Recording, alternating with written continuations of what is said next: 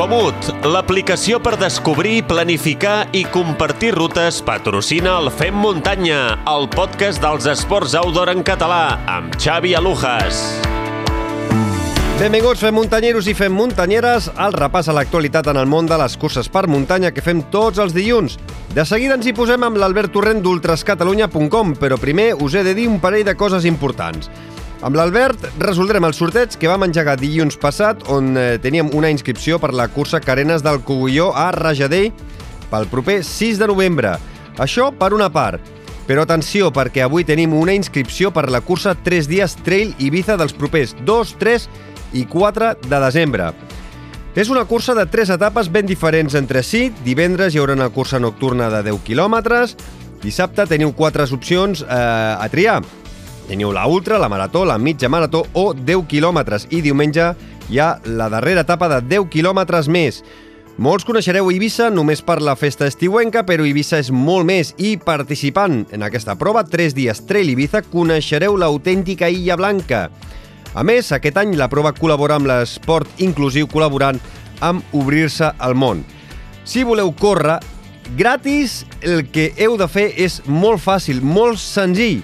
Avui no hi haurà cap mena de sorteig. Atenció, la primera persona que ens enviï un correu electrònic a femmuntanya.femmuntanya.cat dient-nos que vol participar, que hi anirà i es comprometrà en anar al 3 dies Trail Ibiza, serà l'afortunat o afortunada doncs que hi participarà gratis. Per cert, que un membre del Fem Muntanya també serà present en aquesta prova, 3 dies Trail Ibiza, i ens explicarà en primera persona l'aventura eivissenca. Així que no badeu i recordeu, la primera persona que ens enviï un correu electrònic a femmuntanya.femmuntanya.cat anirà a 3 dies Trail Ibiza per córrer doncs, aquesta prova de 3 dies.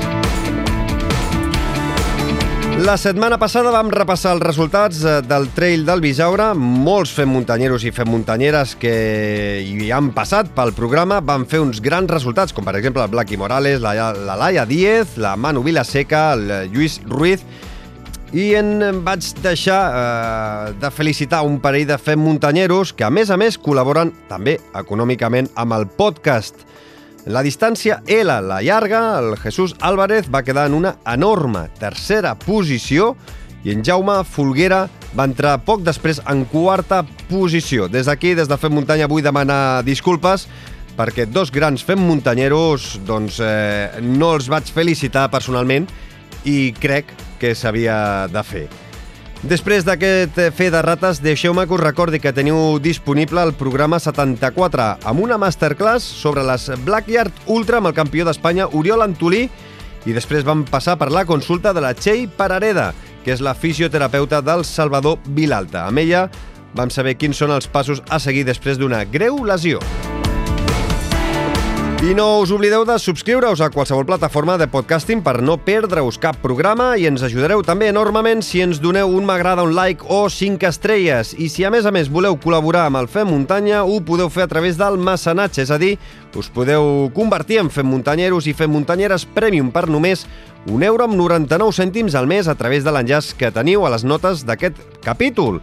Gràcies al vostre mecenatge ens ajudeu, ja ho sabeu, a que aquest projecte tiri endavant. Des d'aquí, com sempre dic en tots els programes, moltes, moltíssimes gràcies a tots els amics que hi col·laboren, que hi creuen i que doncs, ens cedeixen aquests dos euros per tirar el Fem Muntanya endavant. Moltes, moltíssimes gràcies!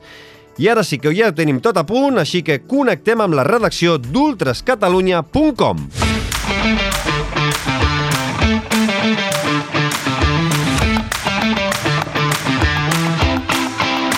Albert Torrent, benvingut una setmana més al Fem Muntanya. Hola, Xavi, què tal? Com estàs? Eh, com ha anat el cap de setmana? Bé, ja preparant eh, castanyes, panellets i amb una mica de calor, però bueno, eh, haurem d'aprofitar que després el fred vindrà de cop i, i bueno, eh, ja hi haurà temps. Per, per, per tapar-nos una miqueta. Ah. Al- Albert, a veure, com sempre, ara repassarem l'actualitat, que veig que va carregada d'internacional avui, Mhm. mm però com sempre comencem pel que comencem, que són les estadístiques. Quants corredors i corredores han corregut eh, amb Pitra i aquest cap de setmana? Doncs aquesta setmana han participat un total de 2.748 corredors, repartits entre 7 curses per muntanya, dels quals 1.973 van ser homes i 775 dones. La prova més participació va ser la trail de 17 quilòmetres de la Burriac Extrem, d'Argentona amb 325 corredors. I tots els eh, resultats els trobareu a la web ultrascatalunya.com. I ara uh -huh. sí que agafem eh, l'avió i... perquè avui viatjarem, eh? Perquè resulta que la Courtney de Walter eh, ha escrit una, una nova pàgina, eh? És impressionant sí. En la història del trail running mundial. Sí, la corredora nord-americana doncs, va ser la gran vencedora de la Diagonal de Fus a la illa de la Reunió no només es va adjudicar amb autoritat la cursa femenina, sinó que també es va classificar en quarta posició de la general, a només 17 minuts del podi absolut, déu nhi I una autèntica proesa, sens dubte, eh, molt poques eh, dones eh, tenen un capítol com aquest, o sigui que s'ha de ressaltar encara molt més.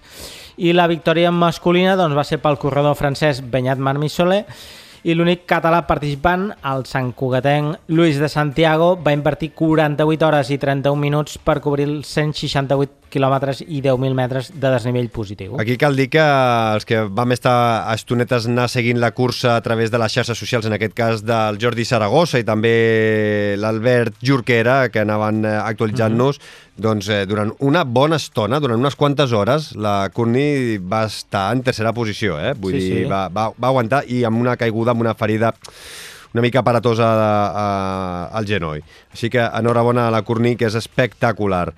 I agafem l'avió i de la illa de la Reunió viatgem fins a la illa de la Palma perquè la Transvolcània ha plegat milers de corredors després de dos anys d'absència. Sí, com bé dius, després de dos anys i a causa de la pandèmia i de l'erupció del volcà, doncs la Palma tornava a gaudir d'aquesta festa del trail running uh, i milers de corredors doncs, que van competir en una de les quatre distàncies de l'esdeveniment. A l'altra marató, la distància reina, el suec Peter Engel i la nord-americana Abby Hall es van coronar com a campions, mentre que Sau Domènech va ser 13è. A la marató es van imposar el canari Joel de Paz i la marroquina Ikram Ratsalla, mentre que a la mitja marató la victòria va ser per Dimas Pereira i Leire Fernández, i el català Josep Miret doncs, va ser segon. I les xarxes socials de la Leire espectacular, emotiva, uh -huh. que et cau la llagrimeta, eh? Recupereu sí, quan sí. pugueu eh, tant al Twitter com a Instagram de la, de la Leire.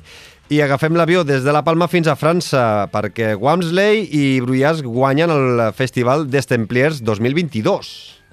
Doncs dos van fer bona la seva condició favorits a la prova estrella del multitudinari esdeveniment francès després de 80 quilòmetres i 3.530 metres de desnivell positiu.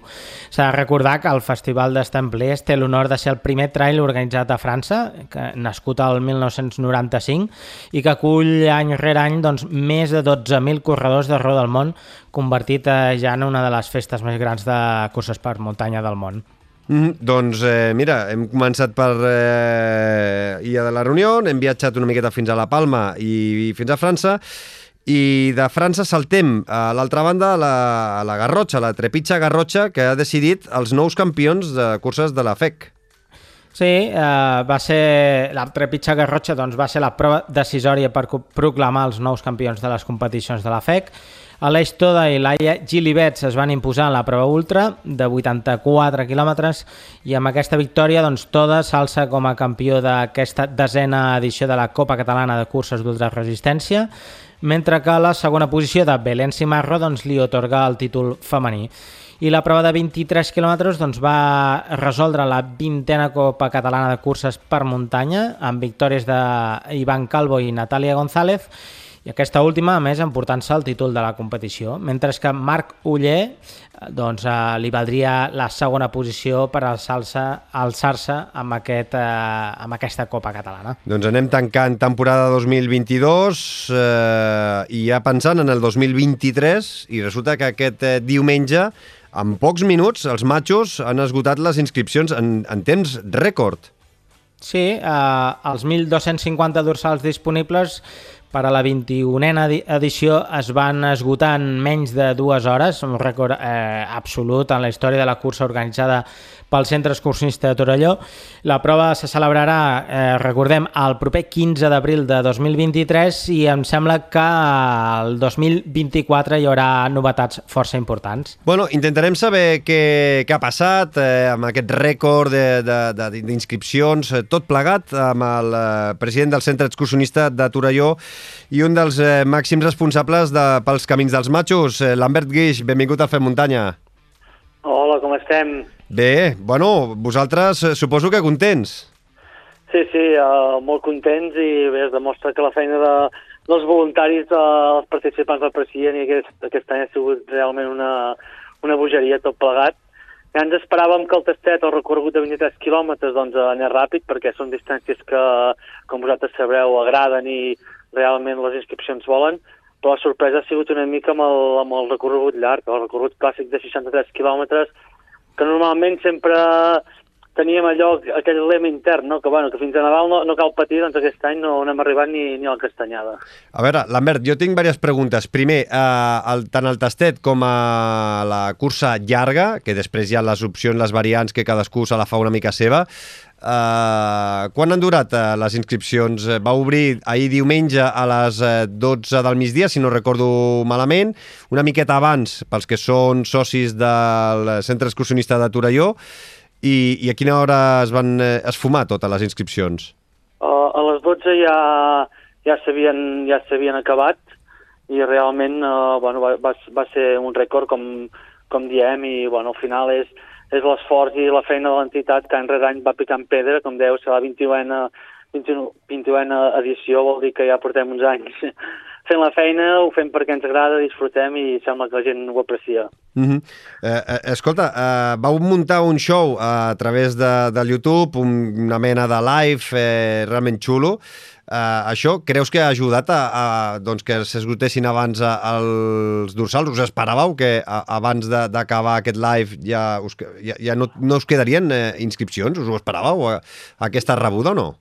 Realment no ens ho esperàvem, una mica l'objectiu de, de fer aquest, aquesta posada en escena de l'obertura d'inscripcions era perquè nosaltres a nivell intern doncs, sempre era un dia que acostumàvem trobar-nos i, i fer una mica de seguiment i vam pensar per què no fer-ho públic i que també en pugui ser partícip doncs, tothom que estimi els matxos i això va agradar, però creiem que l'èxit uh, ha sigut doncs, perquè, com bé comentava al principi, uh, aquest any serà uh, l'edició 21 serà l'última que, que serà com entenem els matxos. Això ha fet que molta gent doncs, s'hagi doncs, animat a, a venir a apuntar-se, sobretot suposo també amb el recorregut llarg, i bé, que, que l'èxit eh, esperem que sigui com sempre. Mm -hmm. uh, per què creus que hi ha, hi ha hagut aquest, aquest boom no? d'inscripcions? Perquè no us havia passat mai d'esgotar de, les inscripcions en, en, en pocs minuts, Creus que el, el, la campanya que vau començar fa un mes de que era la darrera edició de, dels matxos, perquè al principi el que dèieu era això, que el 2023 era la darrera edició dels matxos, sí que és veritat que divendres ja ho vau matisar i, i vau dir que era la darrera edició, edició tal com la coneixem a, a dia d'avui, i que el 2024 continuarà els matxos amb un altre format que ara et preguntaré, no? A veure fins on puguem saber. Però, el, el, és a dir, creus que ha sigut una mica aquest bumbu, aquest xup-xup que, que heu anat eh, doncs, coent eh, durant aquest darrer mes? Clar, jo penso que hi ha diferents factors. Aquest és un factor important. També hi ha factors doncs, que, clar, venim de caps de setmana molt intensos amb, amb, amb, amb proves també properes al nostre territori, com poden ser la Trepitja Garrotxa, Casa Brauau, el trail del, del Bisaure. Nosaltres tenim un participant eh, molt, molt local, això fa que també èxit d'altres proves doncs, eh, ens en podem beneficiar, per dir-ho d'alguna manera, i és un altre factor a considerar, mm. aquest de, del corredor de proximitat. Bueno, era la pregunta que, que jo crec que jo crec que l'Albert també se l'estarà fent. Vale, el 2023 acaba aquest format del, pels camins dels matxos, eh, que és el tastet sí, sí. I, la, i la cursa llarga en la qual doncs, cada corredor eh, pot avisar durant la inscripció, però després durant la cursa tu pots triar variants, és eh, tria la distància sobre la marxa, segons doncs, eh, sí. vagis trobant, segons sí. el que tu tinguis planificat, si se't fa llarg o no se't fa llarg. Llavors, aquest format, el 2023, serà el darrer format, eh, el darrer matxos en aquest format. Podem avançar? Pots explicar-nos alguna història, el que, alguna novetat de cara al 2024 que ens trobarem? Sí. Curses més clàssiques, sí. eh, una ultra i una marató, és a dir, què, què, és el que ens trobarem al 2024? Clar, avançar gaires aconteixements ens, ens fa una mica temor per no confondre els participants, no? que al final tenim una, una edició el 15 d'abril, com comentàveu, que, que l'hem de tirar endavant i, i esperem que sigui igual de potent que els últims anys, Sí que és veritat que ja portem també molts anys amb, amb el mateix format. Uh, som gent de muntanya, ens agraden els, els reptes i per això de cara a l'edició del, del 24 uh, doncs, uh, anirem per un, per un repte que per una, per una organització d'una cursa és prou important i que ja us puc avançar que afecta sobretot a, a l'àrea tècnica i això fa doncs, que aquests siguin el, els últims matxos tal com els coneixem. Mm, no sé si, Albert, eh, tu tens alguna pregunta. Sí, jo primer us voldria felicitar perquè bueno, són 20, 20 edicions celebrades, que en fareu la 21. Eh, jo mateix sóc eh, participant des de la primera època, de quan la, els Camins dels Matxos doncs, era una caminada de resistència que havia format part de la Copa Catalana de Caminades de la FEC. I bueno, una de les preguntes era eh, que ens expliquessis una mica eh, el, el desenvolupament que ha tingut aquesta prova preguntava no? eh, el, el participant quin ha sigut el, el canvi que potser ara la gent va més a córrer, abans era potser una, una més, més caminar, més, eh, més de de, més pausat no? i que ara potser us ha vingut un públic doncs, més eh, per, per anar a fer-ho en el menys temps possible. Com, com has vist aquesta evolució de la prova? Sí, realment, veure l'evolució de matxos, penso que per gent experta com vosaltres i potser per molts oients, també serveix per entendre una mica l'evolució que, que ha tingut. No? Nosaltres començàvem a muntar el que era la marxa quan, quan ningú corria i tothom anava amb xiruques. Uh, a poc a poc, mira, la primera edició érem 70 persones, vol dir que uh -huh. aquesta serem 1.250, hi ha hagut una gran evolució. El primer boom el vam viure doncs, quan vam entrar a la Copa de, de la FEC, ja fa forces sí. anys, com, com bé comentaves, allà ja va haver-hi un primer boom on les marxes eh, van agafar molt, molta, molta volada i després eh, a poc a poc també, eh, com que sempre tenim els ulls oberts, vam veure que havíem de, de transformar-nos en certa manera sense perdre l'essència de, del que som, que som un, una entitat que munta tot aquest, aquest sarau, cap a un, un públic doncs, que també pogués uh, venir una mica a lluitar contra el crono, però sense perdre l'essència de, del que és uh, una marxa, com pot ser el companyerisme, el respecte per la natura, i tots aquests ingredients al final fan que Macho sigui una mica especial, no? perquè tant et pots trobar la persona que pot venir a lluitar pel pot, com a la persona que, que arribarà amb 14 hores l'últim i tan feliç. Vol dir que això mm -hmm. penso que és una mica de les claus de l'èxit, que englobem tot el públic, els temps de pas doncs, permeten que vingui tot tipus de, de persones i això fa que bueno, l'hora d'inscripcions també, també, també es vegi. Conec a molta gent que s'ha quedat, eh, que es va connectar a la una del migdia, una i, i m'ha enviat un WhatsApp i em dic, i, em dic, i, i, i, la, i paraules textuals, en cago dic, m'he quedat sense dorsal per, per, per matxos, m'envia, dic, escolta, ja han obert les inscripcions, em vaig a inscriure, sí, sí, es van, eh, es van anar a inscriure's i paraules textuals eh, d'algun amic eh, eh, inscripcions de matxos obertes, podria ser l'objectiu, eh? i després ja em diu directament doncs eh, puta d'oros. M'he quedat sense sí. inscripcions i això va això... ser a, a, a la una i mitja del migdia. Això sempre sap greu perquè sempre tens persones conegudes, properes que eh, es queden fora, però al final també hem de ser conscients de, del que som, que ara tenim una, una dimensió de cursa doncs, que a nivell del voluntariat es, es pot gestionar, és a dir, els traginers que són els nostres voluntaris la disfruten, els participants uh -huh. eh, la disfruten, perquè no es fan massa taps i, i es va estirant la cursa de forma correcta i al final també els propietaris l'entorn que passem doncs uh, té un impacte que si més no és conegut mm. i després anar més uh, hauríem d'assumir uns riscos que de moment no, no els volem assumir i malauradament això vol dir que hem de limitar bastant uh, el número de, de participants. Teniu llista d'espera o no? No, no, no, perquè una mica és el mateix al final, com que som una entitat que això ho tirem entre tots una mica, la gestió d'una llista d'espera requereix moltes hores i, i esforç i de moment no, no hem considerat perquè és una mica també de, de murga amb el tema de retorns de diners de les mm -hmm. baixes i tot plegat i se'ns complica tot una mica. Mm -hmm. Doncs, escolta, Lambert, intentarem estar el 15 d'abril eh, doncs, a Torelló gaudint d'aquests matxos. Eh, si no, com a corredors, eh, si hi ha alguna baixa, intentarem veure si tenim sort i, ha, i reobren eh, doncs, alguna, alguna inscripció que quedi lliure i si no vindrem a gaudir-ho com, a, com a espectadors, que la festa que teniu muntada amb un escenari espectacular que sembla jo el, el Primavera Sound directament, sí. doncs ho teniu muntat allà a la plaça que és espectacular. Eh, de veritat jo... que teniu una gran, una gran festa si em permeteu, en nom de, del centre i segurament de moltes altres uh, entitats que, que muntem curses i que ens estimem la muntanya com vosaltres, agrair-vos la, la feina que feu des de Ultras uh, Catalunya i també tu, Xavi, amb el podcast, perquè realment també ens ajuda a nosaltres després a, a seguir endavant i, i a tenir èxit, vol dir que també llarga vida.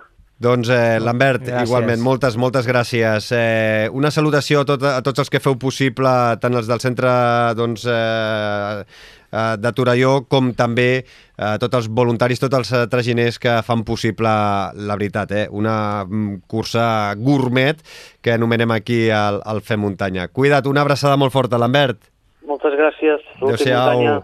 Adéu. Adéu. Nosaltres eh, seguim, eh, Albert, eh, perquè tenim eh, notícies en format eh, més breu. Sí, eh, mira, precisament eh, Jordi Gamito doncs, va ser segon a la Mallorca 5.000 Sky Running, la prova de 66 km i 5.000 metres de desnivell positiu doncs, va recórrer algun dels cims més emblemàtics de l'illa mallorquina.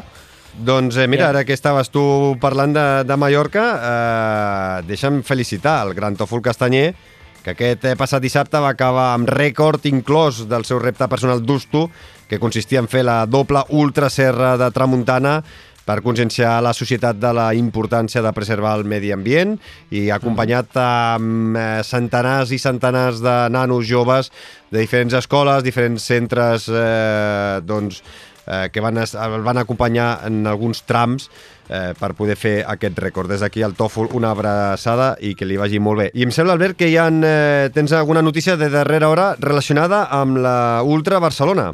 Sí, així ho ha anunciat a, a través de les, xarxes, de les seves xarxes socials doncs, que l'Ultratrall de Barcelona torna el proper 2023 i deixarà aquest any d'impàs a Sant Llorenç de Morunys per tornar al Garraf el proper 18 de març, així que estarem atents a, a més informació. Mm -hmm. I abans de fer el sorteig eh, per la cursa Carenes del Cogulló, hem de repassar de què hem d'estar pendents el proper cap de setmana 29 i 30 d'octubre. 29 mm, i 30 d'octubre i aquest llarg pont per tots els que el tinguin. El que ho doncs, tingui, qui ho tingui. Qui el tingui per celebrar amb curses i amb castanyes i panellets, doncs eh, tenim fins a set curses arreu de la geografia catalana i començarem a Organyà, a l'Urgell, amb la Marató del Boumor, a Trem, al Pallars Jussà, a la cursa Antoni Camarassa, a Besalú, a la Garrotxa, a la cursa de muntanya de Besalú, a Sant Antoni de Vilamajor, al Vallès Oriental, la Trail Fem Suí, a Sant Llorenç Savall, al Vallès Occidental, la primera marató de muntanya de Catalunya, a Moja, a l'Alt Penedès, la cursa Castell d'Olèrdola i a Sant Pere de Ribes, al Garraf, la mitja rural de Ribes. I em sembla que tu estaràs per Sant Llorenç Savall, és correcte? Mm, allà intentarem estar-hi. Doncs eh, a gaudir-la. Eh, abans que marxis, Albert, eh, tenim eh, el sorteig pendent. Hem de regalar una inscripció per la cursa Carenes del Cugulló el 6 de novembre a Rajadell. A veure, hem rebut 10 correus Eh, així que m'has de donar un número de l'1 al 10. Doncs com era un gran fan d'Andrés Iniesta, portava el dorsal 8, doncs direm el 8.